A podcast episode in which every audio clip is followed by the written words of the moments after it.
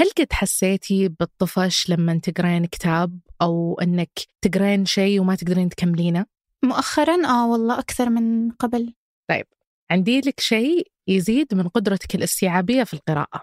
كنت قبل فترة أقرأ مقالة تقول أنه كل شيء نعرفه عن القراءة كان خطأ. بمعنى أننا إحنا عودنا أنفسنا أننا نقرأ كأننا نقرأ المواد الدراسية. وهذا شيء خاطئ في عرف القراءة يعني.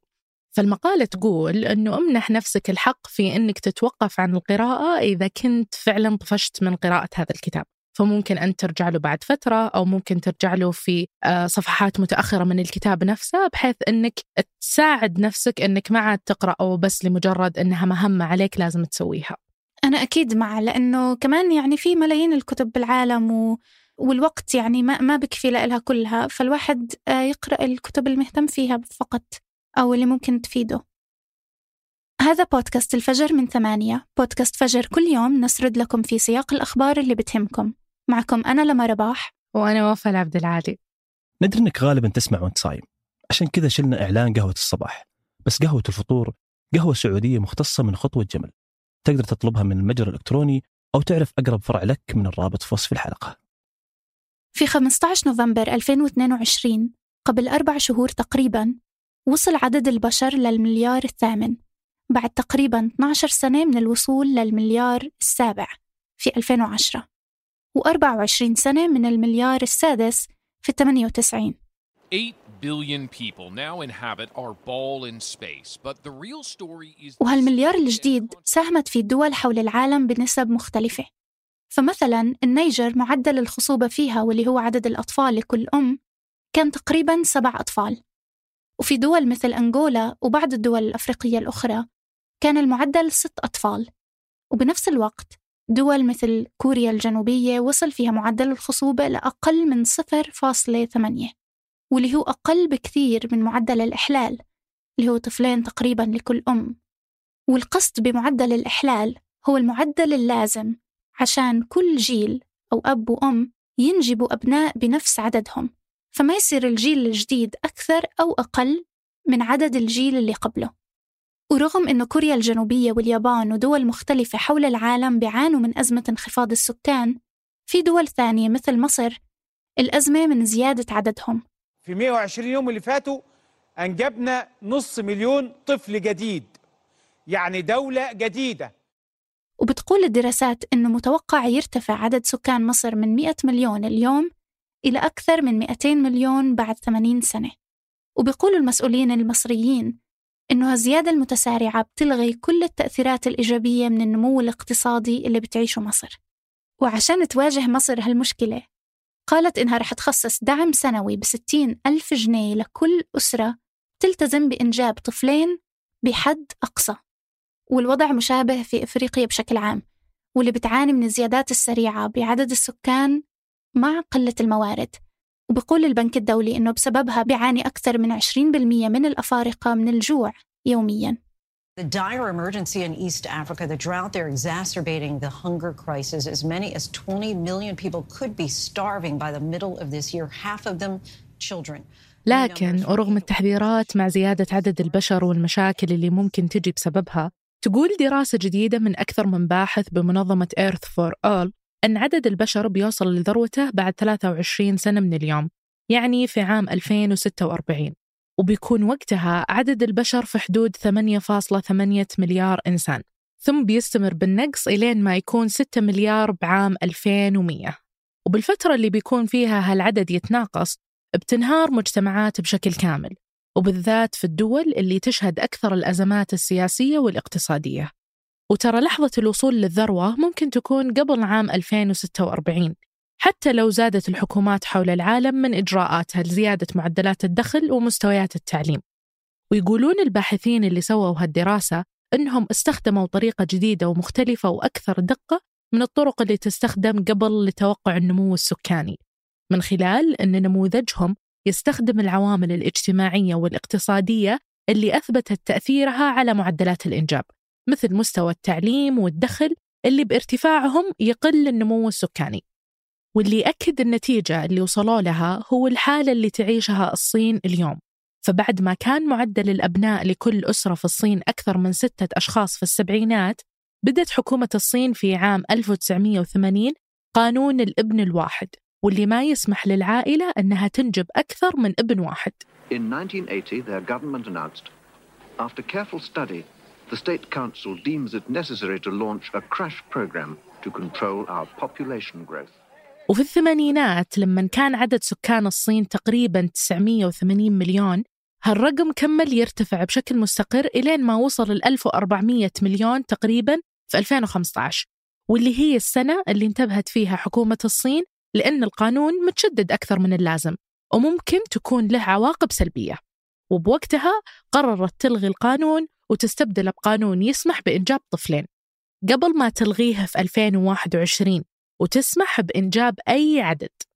ورغم هالتغيير يقول أكثر من نص الصينيين اليوم أنهم وبسبب الضغوطات الاقتصادية عليهم يخططون ينجبون ابن واحد بس و40% من الباقي منهم يخططون ينجبون ابنين كحد أقصى. وعشان كذا في 2022 كان عدد الوفيات بالصين أعلى من عدد المواليد. واللي خلى عدد سكانها والأول مرة من 60 سنة يقل. وحسب التقديرات متوقع بعد 25 سنة يقل عدد سكان الصين لأقل من نص عددهم الحالي. وبعد عقود من تقييدها للإنجاب وعشان تواجه هالمشكلة بدت الصين بإجراءات مختلفة لتحفيز سكانها لتكوين عوائل أكبر. مثل إنها تدعم رسوم حضانات الأطفال وتزيد فترة إجازة الأمومة. أو حتى تصرف 2900 دولار للعائلة اللي تنجب ابن ثالث.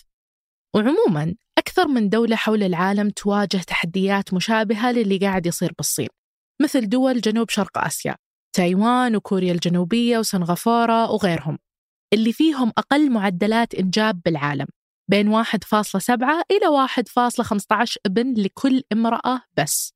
أو حتى بالسعودية اللي كان بعام 1980 معدل الإنجاب فيها سبع أطفال للمرأة الواحدة وبآخر التقديرات وصل إلى 2.3 وعموما تقول الدراسات إن فيها أكثر من سبب تشترك فيه أغلب هالدول اللي يصير فيها هالتغير مثل نمط الانتقال للمدن اللي تكون فيها تكلفة المعيشة والتربية أغلى أو التقلبات الاقتصادية السريعة اللي تترك بكل دورة لها عدد كبير من العاطلين عن العمل. أو حتى المشاكل البيئية اللي تصير مثل التلوث والتغير المناخي اللي يأثرون بشكل مباشر وكبير على حجم الزراعة وسلامتها حول العالم. ولكن بيكون مع انخفاض عدد المواليد أكثر من أثر مباشر مثل قلة الموظفين عن العدد اللي يحتاجه الاقتصاد أو زيادة الضغط على الأنظمة الصحية بسبب زيادة عدد كبار السن واللي هي مشاكل تعاني منها الدول اليوم مثل اليابان وكوريا الجنوبية. وممكن تمتد بالسنين الجاية للدول اللي ما راح تواجه المشكلة بأقرب وقت. وقبل ما ننهي الحلقة هذه أخبار على السريع. أعلنت أبل عن تحديثها الجديد iOS 16.4 لأجهزتها من الآيفون والآيباد ورح تضيف بالتحديث أكثر من 20 إيموجي جديد. بالإضافة لميزة عزل الصوت بالمكالمات واللي بتقلل من الإزعاج حول اللي بتكلم وبتخلي صوته أكثر وضوحاً. ورح تسمح بالتحديث الجديد لمواقع المتصفح إنها ترسل إشعارات للمستخدمين. وفي لبنان أعلن رئيس الحكومة نجيب ميقاتي أنه التوقيت الشتوي اللي مفترض ينتهي الأحد 26 مارس رح يتمدد ل 20 أبريل ليشمل أيام رمضان. ولكن بعد القرار مباشرة رفض أكثر من حزب بلبنان الالتزام فيه وعدلوا الساعات لتكون بالتوقيت الصيفي. وبسبب هذا الشيء صار في وبنفس الوقت توقيتين مختلفين في لبنان. والتزمت بعدها بعض شركات الاتصالات بالتوقيت الشتوي بينما استخدم طيران الشرق الأوسط التوقيت الصيفي لمواعيد رحلاته. وانتهى هالاختلاف أمس بعد ما أعلن رئيس الحكومة ميقاتي أنه الحكومة رح تعتمد التوقيت الصيفي بداية من الأربعاء المقبل. وفي تقرير جديد حلل تغير سلوك المستخدمين في رمضان. واختلاف نمط استخدامهم لشبكات الإنترنت. شمل خمس دول إسلامية باكستان والسعودية ومصر وإندونيسيا وماليزيا. وجد التقرير أنه طبيعة نشاط مستخدمي الإنترنت في هالدول اختلفت كثير مقارنة بالأشهر الثانية من ناحية معدل وأوقات الاستخدام. فمعدل نشاطهم بيتزايد وبيكون في أعلى مستوياته خلال الفترة من السحور إلى الفجر. تحديدا بين الساعة ثلاث الفجر إلى السادسة صباحا.